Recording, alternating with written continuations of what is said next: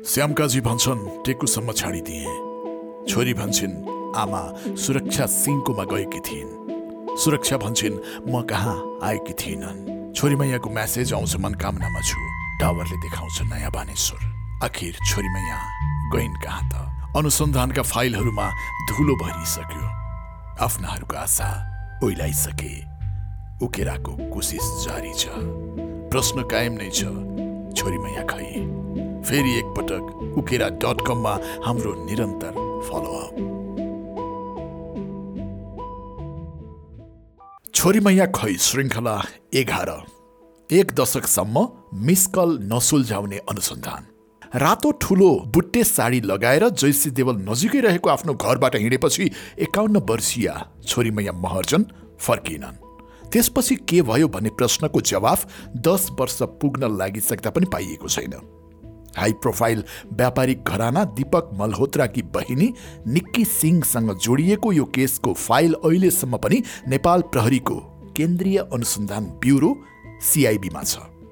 Nikki विरुद्धको अपहरण तथा शरीर बन्धक मुद्दा जिल्ला उच्च हुँदै सर्वोच्च अदालतमा पुगेर टुङ्गिसकेको छ र तिनै तहको अदालतले सोधेको छ यस्तो गम्भीर अभियोग लगाउनका लागि प्रमाण खै यता उनका तीन छोरीले अझै पनि आफ्नो प्रश्नको जवाफ पाएका छैनन्।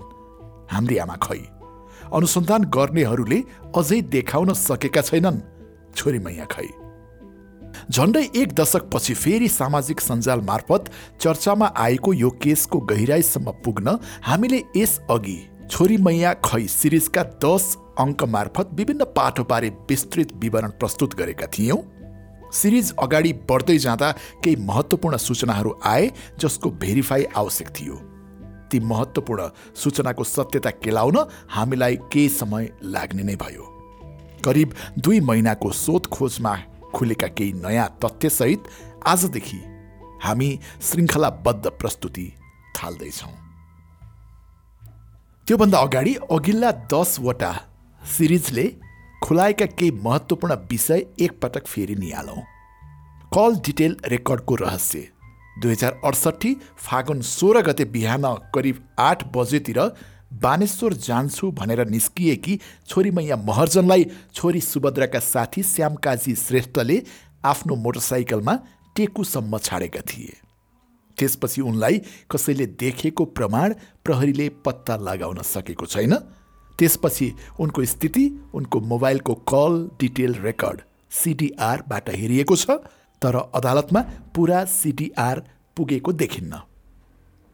घरबाट निस्केको पन्ध्र बिस मिनटमै छोरी मैयाले आफ्नो मोबाइलबाट घरको ल्यान्डलाइनमा फोन गरी आफू निक्कीको घरमा जान लागेको उनी घरमा छिन् कि छैनन् सोधिदिन भनेको छोरी सुधाको दाबी छ।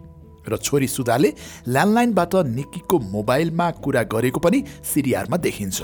महत्त्वपूर्ण कुरा त्यति बेला छोरी मैया र निक्की दुबईको मोबाइलको लोकेसन एउटै ठाउँमा देखिन्छ तर अदालतमा पुर्याइएको सिडिआरमा निक्कीले फोन रिसिभ गर्दाको लोकेसन गायब बनाइएको आरोप छोरी मैयाको परिवारको छ। यसले फोन रिसिभ गर्दा निक्की कहाँ थिइन् भन्ने लोकेसन देखिन्न। जबकि हाम्रो पहुँचमा आएको सिटिआरमा भने फोन रिसिभ गर्दाको लोकेसन पनि देखिन्छ। अदालतमा पुर्याइएको सिटिआरमा कसले छेडखानी गर्यो खुलेको छैन। प्रहरले लिएको बयान र सिडिआरले देखाएको तथ्य म्याच भएको छैन। यसो किन भयो भन्ने बारेमा प्रहरीले अनुसन्धान समेत गरेको छैन। छोरी मैयाले निकीलाई फोन गरिदेऊ न भन्दै घरको ल्यान्डलाइनमा फोन गरेपछि कान्छी छोरी सुधाले निकीको मोबाइलमा फोन गरेको दाबी उनको छ। तर कल डिटेल रेकर्डमा भने सुधाले निक्कीलाई फोन गरेको नभए निक्कीको मोबाइलबाट छोरी मैयाको घरको ल्यान्डलाइन नम्बरमा सम्पर्क भएको देखिन्छ। त्यसै गरी छोरी मैया हराएकै दिन जेठी छोरी सुभद्राले निक्कीलाई मोबाइलमा दिउँसो तिन बजे अनि साढे तिन बजेको आसपासमा दुई पटक फोन गरेको बयान छ। तर सिडिआरमा ती फोन पनि निक्कीको मोबाइलबाट छोरी मैयाको ल्यान्डलाइन नम्बरमा भएको देखिन्छ। निकीको झुट। छोरीमैया हराएको दिन तपाईँ कहाँ हुनुहुन्थ्यो भन्ने प्रश्नमा निकीले पटक पटक झुट बोलेको सिडिआरबाट देखिएको छ। निकीले त्यो दिन आफू बहिनी रेखा श्रेष्ठसित न्युरोड घुम्न गएको र बाटोमा हुँदा सुभद्रासित फोनमा कुरा भएको दावी गरे पनि सिरिआरमा भने त्यो दिन दिनभर उनको लोकेसन नयाँ बानेश्वरमै देखिन्छ। छोरीमैयाको मोबाइलको लोकेसन पनि त्यो दिन साढे एक बजेसम्म नयाँ बानेश्वरमै देखिन्छ। अर्थात् दुवैको मोबाइल लोकेसन एकै ठाउँमा देखिन्छ तर निक्कीले भने छोरीमैया आफ्नो घरमा नआएको र आफूले नभेटेको दावी गर्छिन्। त्यो रहस्यमय एसएमएस। हराएको दिन साढे एक बजेपछि छोरीमैयाको मोबाइल अफ भएको हुन्छ। एकैपटक त्यो मोबाइलबाट कान्छी छोरी सुधाको मोबाइलमा राति सात बजेर त्रिपन्न मिनटमा एउटा एसएमएस आउँछ जसमा रोमन लिपिमा आफू मनकामनामा साथीसित भएको र पर्सि आउने कुरा उल्लेख हुन्छ। एसएमएस आएपछि परिवार अझ आत्तिन्छ किनभने छोरी मैयालाई मोबाइलमा टाइप गर्न आउँदैन थियो। कल समेत स्पिड डायलमा थिचेर गर्ने गरेको दाबी छ परिवारको। त्यति मात्र होइन छोरी मैयाको नोकिया मोबाइलको डिस्प्ले समेत केही दिन अघि खसेर बिग्रिएको थियो।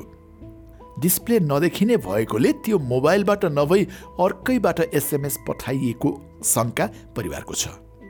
परिवारका अनुसार छोरी मैयालाई न मोबाइलमा एसएमएस टाइप गर्न आउँथ्यो न पढ्न। तर त्यो एसएमएस छोरी सुधाको मोबाइलमा आएको उन्नाइस मिनटमै छोरीमैयाको मोबाइलमा एउटा एसएमएस पठाइएको थियो। जसमा रोमनमै लेखिएको थियो मनकामना भनेर एसएमएस आयो भन्ने सुने नानी छोरी कता हो? कसरी त्यहाँ पुग्यौ? हामी चिन्तित छौँ छिटो फोन गर। हामीले खोज्ने क्रममा त्यो एसएमएस पठाउने चिरञ्जीवी सापकोटाले त्यति बेला उनी छोरी मैयाकी ग्राहक रेणु रिमालको जावलाखेल कुमारी पार्टी स्थित घरमा भाडामा बस्ने गरेको र उनकै आग्रहमा त्यो एसएमएस पठाएको दावी गरे। तर उन्नाइस मिनटमै छोरी मैयाको एसएमएस आएको कुरा रेणु रिमाललाई कसरी थाहा भयो भन्ने कुरा भने खुलेन। किनभने रेणु र उनका पति दुवैको मृत्यु भइसकेको रहेछ। हराएको दिन पनि बिहान छोरी मैया र रेणुको कुरा भएको सिरियारले देखाउँछ। अनुसन्धान कर्मीले न छोरीमैयाको मोबाइलबाट आएको एसएमएसको लोकेसन पत्ता लगाउन सक्यो न आइएमआई नम्बर नै। हल्लाहरू। यो बिचमा छोरीमैयाबारे विभिन्न किसिमका हल्ला फैलिए फैलाइए। कोही भन्थे हराएको दिन साँझ न्यु रोडमा देखिएकी थिइन्। कोही भन्थे उनी त जापानमा देखिएन्। एउटा हल्ला भने अलि धेरै नै फैलिएको थियो।